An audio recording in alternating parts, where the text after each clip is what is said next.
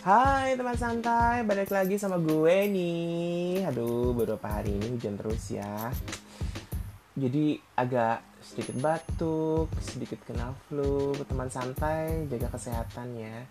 Karena cuaca lagi nggak bagus begini. Nah, gue temen ini sambil bahas sesuatu yang pernah gue janjikan Yaitu soal profesi yang mungkin sebagian dari kalian eh, nggak uh, terlalu banyak tahu. Profesi ini tuh ya mungkin ada yang tahu ada yang enggak tapi ada juga yang memandang bahwa profesi ini tuh kayak uh, profesinya apa sih? Gitu gitu kan.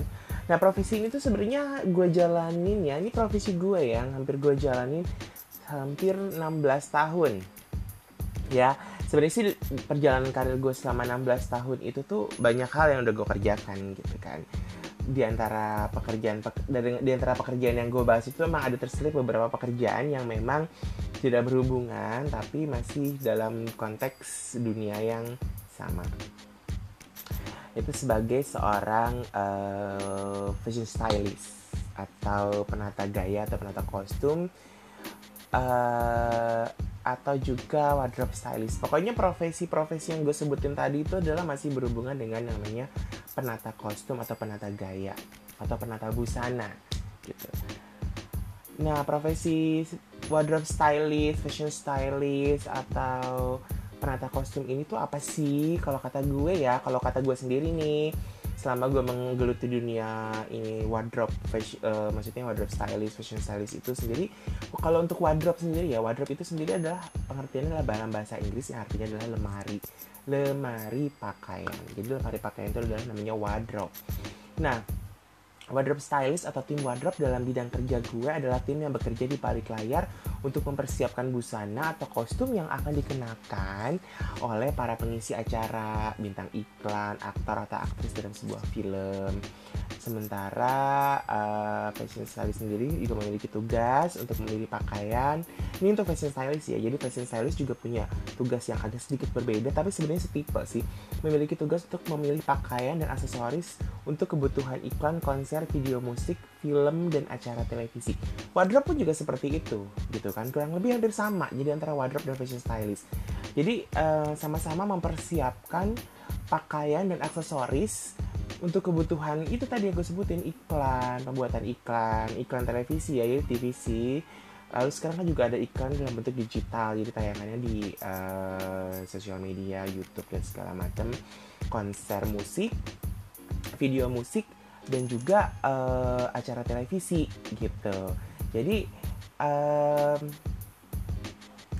apa namanya uh, banyak yang dikerjakan. Artinya uh, bukan hanya sekedar sektor-sektor uh, pemotretan aja. Dia karena juga ada pemotretan. Nah pemotretan untuk satu majalah atau pemotretan untuk bikin billboard itu juga membutuhkan seorang fashion stylist. Gitu. Pokoknya kegiatan-kegiatan yang udah gue sebutin tadi deh gitu tuh adalah memilih busana. Lalu gimana sih dapetin busananya atau aksesorisnya gitu kan ya itu itu harus dibicarakan dengan tim kreatif dengan uh, misalkan kalau iklan ya dengan produser apakah memang kita harus beli menggunakan yang ada atau kita harus bikin atau kita harus pinjam gitu kan masing-masing dari pinjam beli sewa atau bikin atau menggunakan yang ada itu kan punya konsekuensi tersendiri gitu. Kalau kita misalkan kita pinjam dari satu brand atau vendor atau brand fashion gitu ya berarti kita harus kasih kompensasi tuh. Biasanya sih kalau pinjam dengan brand biasanya untuk acara-acara televisi gitu karena uh, masih uh, mensupport untuk bisa memasukkan uh, nama mereka di acara televisi tersebut. Tapi kalau udah masuk film iklan video musik uh, atau uh, apa ya konser ya bus? Kurang lebih juga bisa bilang konser. Itu tuh belum tentu itu malah justru film iklan sinetron itu tuh nggak bisa dimasukin. Mereka cuma bisa memberikan hanya di kredit title mungkin ya untuk film dan sinetron. Tapi kalau untuk kayak iklan sama sekali nggak ada. Jadi kalau iklan tuh biasanya kita beli gitu beli ataupun sewa. Jadi kita bayar kepada si uh, tempat busana tersebut si vendor tersebut yang menyediakan busana atau kostum kita sewa kayak gitu. Sementara kalau misalkan kayak uh, editorial gitu ya, untuk majalah itu kan mereka akan dicantumkan namanya. Nama-nama si desainernya atau brandnya akan digunakan gitu kan. Nah cuma nih sayangnya tuh profesi ini tuh di Indonesia tuh masih dipandang sebelah mata sih oleh sebagian orang ya bahkan pelaku industri industri tersebut gitu maksudnya industri broadcast dan uh, majalah atau apa tuh masih majalah sih enggak ya tapi lebih ke broadcast dan film tuh masih agak sedikit dipandang sebelah mata. Beberapa ya nggak semua gue nggak bilang semua tapi ada beberapa yang yang yang jadi kayaknya ya misalkan contohnya kayak sutradara atau produser gitu kata tim kreatif tuh masih mandang divisi uh, penata kostum atau penata busana itu kayak cuman sempalan doang gitu loh. Ya kalau boleh jujur sih kalau boleh jujur ya. Kalau boleh jujur nih kalau mau jujur jujuran deh gitu kan. Memang dari semua divisi-divisi divisi itu memang uh, divisi penata kostum tuh bisa dibilang uh, pem, uh, bayarannya atau fee-nya uh, termasuk yang tidak besar artinya tidak terlalu besar tapi juga tidak kecil-kecil banget tergantung dari seberapa besar budget project tersebut atau seberapa besar project tersebut dibuat gitu kan ya. Jadi uh, kadang-kadang tuh mereka ya udahlah nggak usah harus yang gimana gimana gimana uh, pakai aja yang ada apa yang ada yang seperti itu. Bahkan tapi kan sebenarnya bagi buat buat buat buat kita sendiri yang melakoni profesi ini kan kalau kita melakukan sesuatu yang bagus yang baik yang yang yang yang istilahnya uh, bisa menampilkan image yang baik kepada uh, si apa ya istilahnya kepada klien ya itu kan keuntungan juga buat kita. Artinya kita juga bisa untuk uh, jenjang karir kita ke depan bahwa kita juga akan panjang untuk kita dapatkan pekerjaan seperti itu gitu kan. Namun kebutuhan akan kostum dan pakaian menjadi perhatian sih sebenarnya gitu kan. Uh, dan mereka akan cari tuh tim fashion stylist atau wardrobe atau penata busana atau penata kostum seperti itu gitu kan. Gitu kan nah, padahal uh, uh, busana atau aksesoris yang dikenakan oleh para penampil ya penampil entah itu aktris aktor penyanyi atau presenter dalam sebuah acara atau film itu kan juga menjadi citra untuk sebuah project yang dikerjakan dikerjakan. Jadi kayak misalkan film film e, bertemakan film horor gitu kan. Nggak mungkin dong menggunakan pakaian pakaiannya yang e, istilahnya fancy atau romantis romantis lah looknya romantis atau gimana. Ya mungkin bisa digunakan look-look yang romantis tapi itu kan tergantung konsep cerita atau berdasarkan isi ceritanya seperti apa. Itu kan harus bisa disesuaikan. Jadi bisa busana itu bisa mencitrakan jalan cerita juga kayak gitu. Kalau misalkan kalau misalkan iklan gitu kan itu juga uh, busana itu juga merepresentasikan produk yang akan dijual atau diiklankan oleh si bintang iklan. Jadi busananya juga harus menyesuaikan. Jadi nggak asal main pakai aja kayak gitu tuh nggak nggak bisa kayak gitu gitu. Dan aksesoris yang mendukung tuh gimana? Sepatunya gimana? Misalkan karakternya uh, misalkan dia memerankan seorang karakter ibu gitu kan. Ya berarti seorang ibu tuh bajunya mesti gimana rambutnya mesti gimana. Kalau perkara rambut sih biasanya seorang fashion stylist nggak terlalu nggak terlalu banyak ikut campur. Biasanya mereka akan ber, kita tuh akan bekerja sama dengan hairstylist atau uh, makeup artist. Jadi mereka kita kita tuh kerja sama. Nih baju gue kayak gini nih. Konsep makeupnya kayak begini nih. Rambutnya seperti ini. Dan itu biasanya kita memang bekerja sama dengan mereka untuk supaya uh, penampilan yang diinginkan sesuai dengan konsep kayak gitu kan. Kalau berdasarkan pengalaman gue sih sebagai wardrobe stylist ya gue juga berperan sih sebagai fashion stylist. Jadi kalau di TV tuh kalau kita bekerja gue pernah bekerja di stasiun TV juga ya. Jadi uh, kok di stasiun TV itu tuh wardrobe itu tuh berperan juga sebagai fashion stylist. Artinya adalah kita juga menentukan konsep kita juga harus bisa membaca konsepnya seperti apa acaranya gimana artisnya siapa lalu kita harus bisa mengenal nih artis sukanya gimana kita juga berkontak kok. Di sini gini kita kontak-kontakan tuh dengan orang-orang artis entah manajernya asistennya atau siapa gitu. Jadi kita jangan sampai salah memilih busana yang akan dikenakan si artis tersebut gitu. Artinya eh, busana itu juga harus tepat mewakili artis tersebut dan juga konsep acaranya. Kayak gitu. Um, pokoknya apa namanya apalagi video musik nih. Nih nih kalau video musik nih ya kalau kita bicara mengenai video musik itu juga yang harus ditampilin tonjolin itu adalah musiknya itu seperti apa si artis penyanyinya itu seperti apa itu tuh kita bisa harus bisa busana itu merepresentasikan mereka gitu. Jadi tidak tidak perlu istilahnya gini nggak perlu uh, gak, jangan sampai uh, apa ya busana yang mereka pakai uh, pakai atau gunakan tuh salah gitu. Jadi akhirnya ini bukan ini bukan gua banget nih. Biasanya mereka akan ber, uh, berkata seperti itu gitu. Nah salah satu tugas dari fashion stylist dan wardrobe stylist itu adalah bagaimana mereka artinya kita tuh mampu membentuk citra atau image seseorang. Nah ini tadi gue bilang bahwa kita tuh harus tahu bahwa citra apa? Citra dari artisnya, citra dari produknya, kayak iklan ya, citra dari uh, filmnya. Nah itu juga harus mampu tuh kita untuk uh, apa sih merepresentasikan, membentuk gitu agar misalkan kalau film Busana itu juga harus bisa menguatkan karakter si pemainnya nih misalkan tokohnya ini tokoh jahat jadi Busana itu juga harus support bahwa busana yang dikenakan itu juga menunjukkan bahwa itu dia memang jahat atau mungkin dia memang uh, istilahnya kelam warnanya atau modelnya kuno atau mungkin dia seperti apa. Nah itu itu itu akan mewakili dari busananya juga gitu. Tapi juga tergantung sih. Biasanya sutradara punya konsep yang berbeda. Misalkan gue nggak mau menampilkan seorang pembunuh tapi tampilannya seperti pembunuh. Tapi maunya penampilannya seperti orang yang nggak bersalah atau mungkin orang yang innocent. Orang yang nggak nggak berpikir untuk membunuh tapi dari busananya itu tuh nggak mau ditampilkan dia seorang pembunuh. Itu ada juga yang seperti itu. Jadi kita harus mampu uh, mendeliver itu semua gitu kan. Jadi kita harus bisa baca skrip kita harus bisa baca konsepnya seperti apa kita harus banyak ber bertanya bekerja sama dan diskusi gitu ya. Yang pasti adalah diskusi.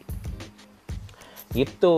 Dan kalau misalkan acara televisi juga seperti itu. Acaranya apa? Acara dangdut ya. Kita kita juga menggunakan image yang memang baju busana busananya memang bisa memberikan image bahwa ini lo dangdut gitu loh. Memang nggak perlu harus yang kelihatannya kampungan atau dangdut banget enggak, tapi bisa juga bahwa uh, busana tersebut memang uh, dangdut itu seperti apa sih sekarang gitu deh? Musik dangdut itu seperti apa? Musik dangdut itu seperti ini seperti ini atau musik pop itu seperti apa? Nah lalu karakter si penyanyinya seperti apa? Lalu lagunya itu seperti apa, ceritanya tentang apa lagu tersebut. Nah, itu juga kita harus bisa mendeliver busana-busana yang harus dikenakan oleh si artis tersebut. Nah, pasti pernah dong teman-teman santai kalau ngeliat tuh acara Academy Award gitu kan, Grammy Award, Golden Globe, Emmy Award atau acara-acara uh, premier film apa di Hollywood tuh mereka pasti para selebriti tuh kan datang ke red carpet gitu kan. Nah biasanya para selebriti Hollywood ini tuh datang ke acara-acara seperti itu tuh. Mereka tuh kan meng-hire fashion stylist, personal stylist mereka bilangnya. Untuk ini loh gue akan tampil di uh, premiere ini. Gue mau gue tampil seperti ini, seperti ini, seperti ini. Kayak gitu ya. Akhirnya fashion stylist pun juga harus mampu membaca uh, karakter mereka gitu seperti apa agar busana yang mereka kenakan juga jangan jadi busana yang terburuk. Dan itu akan membantu citra mereka dengan baik gitu kan termasuk dengan aksesoris sepatu tas anting pokoknya semuanya lah kayak gitu kan Nah, profesi ini tuh bicara tentang selera dan kepribadian ya. Bagaimana seorang fashion stylist atau wardrobe stylist. Nah, ini seperti tadi gue bilang, bagaimana kita bisa mengenal karakter seseorang atau uh, kepribadian dari klien kita gitu kan. Kita mampu nggak menonjolkan karakter pakai eh, karakter si pemakai nih atau karakter tokoh dalam film atau konsep acara gitu kan. Tadi gue udah bilang kan bahkan seorang uh, bahkan kadang-kadang kita pun dituntut untuk membuat konsep kita sendiri. Kadang-kadang tuh seperti itu. Jadi kadang sutradara atau produser atau mereka tim-tim kreatif tuh lo konsepnya kayak gimana? Gitu kan. Lo ya akhirnya kita bikin konsep sendiri yang menyesuaikan dengan konsep apa yang sudah dibicarakan oleh tim kreatif. Gitu kan. Aduh gatel banget tenggorokannya. Terutama bagi mereka yang menjadi uh, ini loh personal fashion stylist. Personal fashion stylist sendiri itu biasanya memang secara personal seorang selebriti meng-hire seseorang untuk menata gayanya dia ketika mereka tampil di depan publik. Gitu. Jadi penyanyi aktris atau apa misalkan mau ada acara apa atau misalkan mereka mau nyanyi mereka mau datang ke penghargaan apa mereka tuh biasanya meng-hire para fashion stylist sebab personal fashion stylist untuk ngebantuin bahwa gue akan tampil begini dan uh, gue mau eh, nggak uh, mau pakai baju yang terlalu gimana gue nggak mau pakai baju yang warnanya gimana. Nah itu biasanya mereka akan diskusi si artis dan si fashion stylist akan diskusi gitu kan. Lalu akhirnya diputuskan apakah mau pakai baju yang ada atau pakai pinjam dari desainer atau membeli atau memesan seperti itu. Jadi semua itu harus didiskusikan sih sebenarnya. Jadi supaya terdeliver dengan baik. Artinya uh, bisa bisa apa ya apa yang direncanakan tuh bisa terjadi dengan baik terwujud dengan baik lah kayak gitu jadi tuh ada profesinya tuh sebenarnya profesi penata gaya itu ada penata gaya ya. Fashion stylist wardrobe stylist atau penata kostum. Um, kadang-kadang tuh orang di Indonesia kenapa masih dipandang sebelah mata? Karena dianggap wah pekerjaannya tuh glamor gitu kan. Wah gaya hidupnya hmm gitu. Wow gitu. Pakaian pakaiannya pasti yang mahal yang bermerek atau apa? Sebenarnya nggak juga ya. Itu kan sebenarnya bonus-bonus dari kerja keras kita aja gitu kan. Kalau kita bisa membeli sesuatu dari uh, brand terkenal atau dari fashion designer atau malah kadang-kadang vendor memberikan itu jadi kayak ya gue juga punya pengalaman bahwa gue udah pernah dikasih gitu sama desainer sama klien gue. Nih loh nih kalau ini kamu mau nggak gitu ini buat kamu aja. Atau gue pernah masa gue mau beli tapi mereka memberikan diskon atau harga khusus buat gue ya. Benefit benefitnya seperti itu kayak gitu. Cuman sebenarnya kalau dulu sih gue mengawali karir gue ya sebagai wardrobe stylist ya gue jadi asisten. Yang notabene tuh asisten gue mengasis jadi asisten dari temen gue temen kuliah gue sendiri untuk project sinetron. Jadi pinjem baju laundry balikin nyetrika. Inget ya dulu gue ya 16 tahun lalu itu tuh belum ada steamer. Jadi itu kita masih menggunakan setrikaan. Jadi lu bayangin beberapa baju hari ini ada berapa syuting menggunakan berapa baju gue setrikain tuh satu-satu. Nggak ada tuh yang namanya steamer. Kalau sekarang sih gue udah punya steamer sendiri gitu kan. Dan kita juga harus bisa menjahit gak harus bagus tapi setidaknya kita bisa menjahit um, pada saat situasi di mana ada baju yang sedikit sobek atau dikecilin atau dipendekin gitu kan. Dulu zaman gue kerja di salah satu TV swasta ya di Trans 7 atau pegang OVJ itu gue kerjaan gue tuh ngecil-ngecilin kebaya-kebayanya para sinden tuh. Kayak gitu kan. Udah gitu kan dan yang paling resikonya yang paling nggak enak adalah atau gue harus ngeganti apabila baju-baju pinjaman dari uh, para desainer itu hilang rusak atau apa. Dan gue pernah pengalaman baju sewaan hilang nggak tahu gimana udah dipakai udah ditaruh tuh di dalam gudang uh, gudang penyimpanan gue penyimpanan di kantor. Hilang aja gitu lenyap. Nggak tahu ke mana belas gitu. Dan ternyata gue harus ngeganti lumayan hampir satu bulan gaji. Tapi pernah kejadian juga baju desainer hilang nggak tahu ke mana. Bukan gue ilangin baju itu emang balik sih cuman nggak tahu tahu tahu gak ada. Kan tanggung jawab gue gitu. Akhirnya ya otomatis tuh ganti. Setengah gaji bulan satu setengah gaji satu apa? Gaji setengah uh, setengah ya pokoknya satu bulan uh, setengah gaji deh. Satu bulan itu tuh gue harus ngeganti. Kayak gitu mana tuh baju dari ini lagi um, tenunan tenunan NTT ya kayak gitu kan. Terus uh, suka dukanya tuh adalah bagaimana menghadapi sikap para artis dan selebriti sih sebenarnya ya. Ini bisa dibilang kami tuh jadi tahu bagaimana tabiat asli para selebriti terus karakternya bagaimana gitu kan. Tapi kayaknya gue gak perlu bahas itu sih nggak etis aja ntar gue viral karena bukan karena podcast gue tapi karena omongan gue lagi kan. Pokoknya yang jelas kita jadi tahu. Jadi kita kenal mereka harus gimana yang kita ngetrit mereka tuh harus gimana. Bajunya tuh kayak gimana jadi kita tahu gitu kan. Terus suka sukanya adalah kita jadi kenal banyak orang dan nama relasi sih gitu kan. Tantangan dan dan kita tuh jadi kenal banyak hal jadi belajar banyak hal dari orang lain juga kenal karakter orang gitu kan tantangannya tuh adalah ya kita kita tuh bisa kita tuh harus jaga itu semua supaya kita tuh bisa bertahan dalam dunia kerjanya ya, sebagai fashion stylist ini gitu. Terus kan ada orang istilahnya kok ada wardrobe stylist, ada personal stylist, terus ada editorial stylist. Gini deh, wardrobe stylist itu ya, begini, gue akan ngasih jelasin sedikit wardrobe stylist kita bisa dibilang ada uh, di, bisa dibilang istilahnya adalah wardrobe stylist. Ini biasanya digunakan jasanya untuk keperluan film, iklan, sinetron atau tayangan atau uh, tayangan atau acara televisi. Itu kita menyebutnya adalah tim wardrobe. Kan? Face, uh, istilahnya kita bekerjanya untuk itu film, iklan, sinetron, tayangan acara televisi. Nah kita tuh harus pinter tuh baca-baca rundown, breakdown, rundown acaranya seperti apa. Kalau acara televisi, breakdownnya seperti apa. Kalau misalkan acara televisinya tuh uh, um, bentuknya sketsa. Kalau kita harus baca skrip untuk film atau iklan atau sinetron, kita harus baca skrip. Ceritanya gimana? Kita harus mengenal karakter-karakter yang ada di dalam film atau sinetron tersebut supaya kita bisa mendelegasikan busana yang mereka gunakan itu seperti apa bukan mendelegasikan kita bisa mendeliver karakter tersebut juga melalui uh, busananya kayak gitu. Lalu ada fashion stylist untuk uh, kategorinya adalah personal fashion stylist. Ini biasanya yang seperti tadi gue bilang juga digunakan oleh para selebriti atau artis untuk keperluan tampil mereka pada acara publik.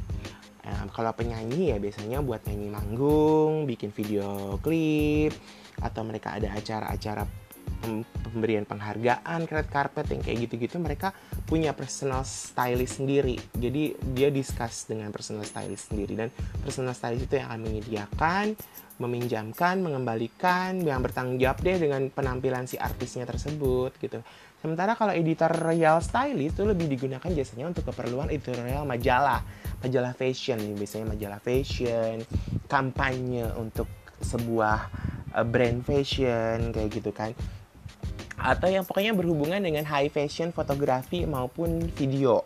Jadi biasanya kan kalau brand Christian Dior gitu kan, Christian Dior bikin uh, iklannya itu memang harus bentuknya kan editorial atau uh, bentuknya lebih ke apa sih namanya kita bilang katalog atau gimana pembentuk pemotretannya? Mungkin kalian pernah tahu istilah-istilah tersebut ya kalau nonton American Next Top Model atau Asia Next Top Model. Nah ada ada istilah-istilah seperti itu. Nah itu fashion stylist itu tuh yang bekerja di balik kayak uh, pemotretan-pemotretan uh, para model itu gitu. Jadi bentuknya jadi looknya tuh editorial gitu. Kayak membutuhkan konsep yang berbeda dari biasanya busana yang digunakan adalah uh, biasanya tuh ya gini kalau misalkan artis juga pakai baju dari desainer gitu kan tapi kan buat acaranya kan bukan bukan buat pemotretan atau bukan buat promo tapi untuk uh, artis tuh pakai untuk dia nyanyi atau dia tampil di red carpet untuk menonjolkan karakter mereka. Sementara editorial itu biasa menonjolkan karakter si desainernya dan juga karakter busananya. Itu kayak jualan. Jadi gimana si model ini juga kerja kerja sama antara model, fotografer, fashion stylist dan desainer supaya menghasilkan sebuah uh, karya editorial gitu. Nah, itu tuh fashion stylist editorial. Kalau kalian lihat majalah Harper's Bazaar, Vogue atau Elle ya, kalian pasti akan menemukan foto-foto editorial lah seperti itu biasanya sih uh, apa namanya uh, ada di majalah-majalah fashion gitu kan jadi biasanya dicampur sedikit seni kalau editorial tuh. Ya begitulah gitu kan. Dan jadi fashion stylist dan wardrobe stylist ya selama ini sebenarnya gue nambah ilmu ya. Ketika kuliah dulu kan gue ngambil jurusan fashion designer ya. Gue emang dikasih tahu bagaimana teknik penjahit membuat motif mendesain motif. Bahkan juga uh, apa namanya mengenal motif khas Indonesia juga tahu juga ada pas kuliah juga sempat dikasih kan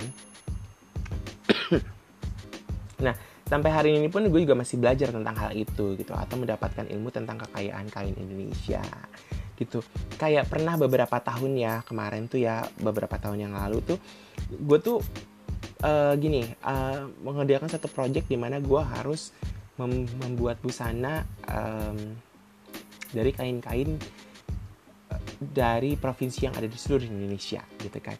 Hari itu gue kenal ya Bajambi itu punya batik. Jadi kebetulan gue tuh punya temen yang punya kenalan juga seorang anak pengrajin batik khas Jambi gitu kan. Jadi gue coba tanya. Jadi ketika itu memang harus tampilnya adalah Jambi.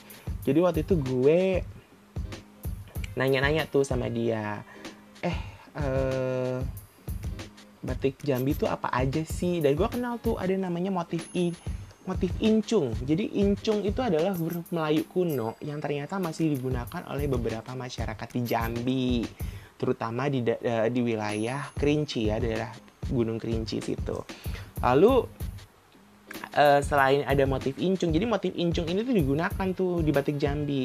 Jadi kalau kalian ke Jambi uh, beli batik tanya ini motif apa kalau mis motif incung berarti ini adalah huruf Melayu kuno gitu. Lalu ada juga motif batang hari jadi motif sulur meliuk me yang melambangkan sungai Batanghari sungai Batanghari itu ada di Jambi gitu.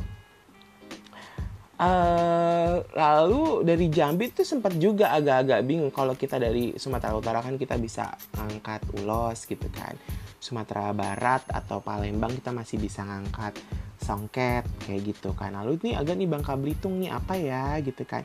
Kainnya apa ya gitu. Masa songket lagi gitu kan. Karena memang Bangka Belitung kan juga ada unsur-unsur Melayu dengan songketnya ya. Cari deh tuh searching-searching di sosial media gitu kan. Yang beda gitu kan. Ternyata ada namanya kain cual jadi sebenarnya kain cual ini adalah eh, kain batik khas dari Bangka Belitung. Gitu. Jadi kalau kalian ke Bangka Belitung kalian mau cari-cari kain nah nyari kain cual. Lalu di Lampung kita udah tahu ya ada tapis Lampung. Nah dari Banten sendiri itu gue tahu juga nih akhirnya memiliki batik juga. Banten tuh dominannya warnanya coklat karena letak Banten yang dekat dengan Gunung Krakatau. Jadi warna coklat itu menggambarkan lahar gunung. Motifnya pun juga ada yang bergambar Gunung Krakatau, ada pula senjata para raja. Yang konon uh, motif senjata para raja ini hanya hanya digunakan oleh kaum ningrat. Yang make batik itu tuh cuma kaum ningrat dengan uh, apa namanya senjata-senjata itu tuh. Nah, warna hijau, coklat, hitam terakota itu dominan tuh kalau kalian mau tahu warna hijau coklat hitam warna terakota kayak gimana tuh ya coba deh searching aja di Google ada warna terakota itu warna warna tanah sebenarnya merah tanah merah bata. Itu kayak kita bilangnya adalah terakota itu dominan tuh di batik Banten gitu kan.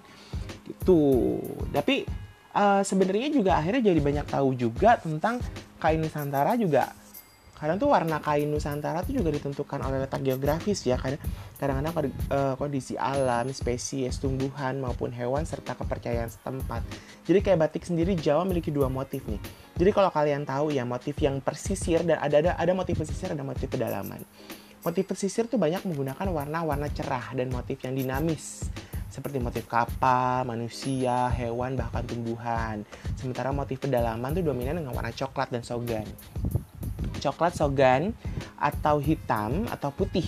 Motifnya tumbuhan, pegunungan, senjata, bahkan juga tulisan-tulisan Jawa kuno. Nah, kalau kalian ke Jogja, ke Solo itu mereka tuh menggunakan motifnya adalah motif-motif pedalaman. Tapi kalau kalian ke Cirebon, ke Pekalongan, gitu ke Surabaya, itu mereka motif-motif pesisir. Akan ada warna yang yang tampil di dalam kain batik tersebut, gitu kan. Terus um, kalau di kain juga akhirnya ini juga dari dari pekerjaan juga gue tahu nih ternyata uh, di Nusa Tenggara Timur tuh juga di Sumba juga terkenal dengan warna biru indigo. Nah, biru indigo ini ternyata didapat dari alam. Jadi warna pewarnaan alam. Jadi biru indigo tuh didapat dari tumbuhan indigo. Dan itu cuman menghasilkan warna biru doang. Gitu. Jadi alam juga kadang-kadang mempengaruhi uh, ciri khas dari eh, kain-kain uh, yang ada di Nusantara. Lalu di Cirebon tuh dikenal juga warnanya uh, warna merahnya. Uh, nama warna merah di Cirebon tuh adalah abang getih pitik. Artinya tuh um, warna merah darah ayam. Nah, warna abang getih pitik itu didapat tuh dari akar tumbuhan mengkudu. Jadi tuh akarnya tuh direbus dan bisa menghasilkan warna merah. Nah, nggak kebayang kan? Gimana. Nah itu jadi ilmu lagi tuh buat gue ketika gue belajar dulu di kuliah fashion uh, maksudnya fashion design terus gue juga kerja lagi sebagai fashion stylist. Gue juga kadang-kadang menghadiri acara-acara pameran kain pameran-pameran fashion atau pameran-pameran seni gitu yang ngasih gue informasi atau tambahan dan juga juga kadang-kadang juga gue bertanya kepada para desainer yang gue datengin untuk gue pinjam bajunya. Nih warnanya apa motifnya apa dapat dari mana kayak gitu seru sih sebenarnya ya gitu kan. Uh, lalu tuh gue juga pernah pernah dengar ya di Kalimantan ya di Kalimantan Timur tuh ada dikenal dengan kain ulap doyo. Ini temen gue juga yang memperkenalkan kain ulap doyo. Jadi temen gue ini kan orang orang Bontang ya. Jadi dia juga uh, apa sih namanya tahu beberapa kain tradisional dari Kalimantan ya dari Bontang gitu. Jadi kain itu dibuat dari akar tumbuhan, teksturnya agak sedikit kasar dan sedikit kaku.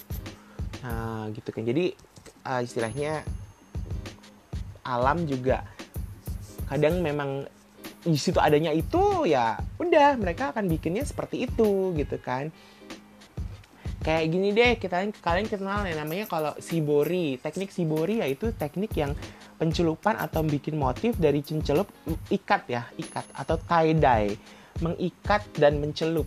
Jadi kalian mengikat kain putih mencelup dalam pewarnaan setelah itu dibuka kan akan ada motifnya. Kalau di Palembang tuh dikenal namanya jemputan. Kalau di Kalimantan tuh namanya sasirangan. Jadi kalau kalian ibu kalian tuh bilang ini kain sasirangan berarti bisa jadi dari dari Kalimantan atau kain jemputan bisa jadi juga dari Palembang kayak gitu kan. Tapi sebenarnya kalau dari di Jepang sendiri tuh kenalnya adalah sibori gitu kan.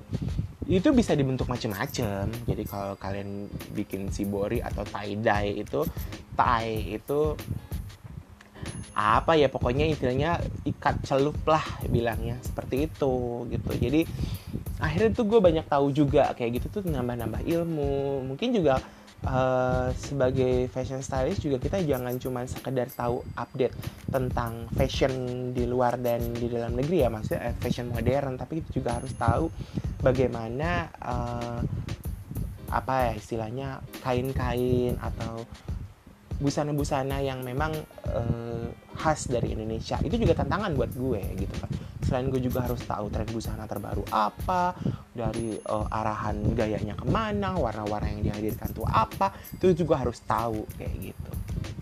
Jadi memang kalau bisa dibilang kita harus ngikutin tren. Ngikutin tren karena apa? Karena pekerjaan kita sekarang kalau misalnya baju kita nggak ngikutin tren ya udahlah. Yang penting kan otak kita ngikutin tren seperti itu teman-teman santai. Duh kayak ngoceh-ngoceh gue hari ini cukup ya. Kita akan bertemu lagi nanti. Oke? Okay? kalau kalian mau jadi uh, kalau istilahnya kalau kalian mau bekerja menjadi fashion stylist, wardrobe stylist, penata busana atau yang seperti itu ya. Kalian banyak uh, ini deh uh, jangan malu deh untuk kalian banyak bertanya. Perlu juga sih kalian belajar uh, istilahnya kalau kalian kalian nggak mampu untuk sekolah fashion kalian kursus fashion aja. Kursus uh, desain busana karena dalam pelajaran desain fashion tersebut kita juga harus bukan harus ya kita juga diajarin bagaimana padu padan busana. Gitu karena seorang fashion stylist juga harus mampu seorang wardrobe stylist fashion stylist semua itu harus mampu memadu padankan busana-busana yang ada jadi misalkan kita mau mendapatkan satu look yang seperti apa lalu kita harus pandai itu menggunakan apa yang ada supaya terlihat menarik apik dan keren. Oke, okay. bye.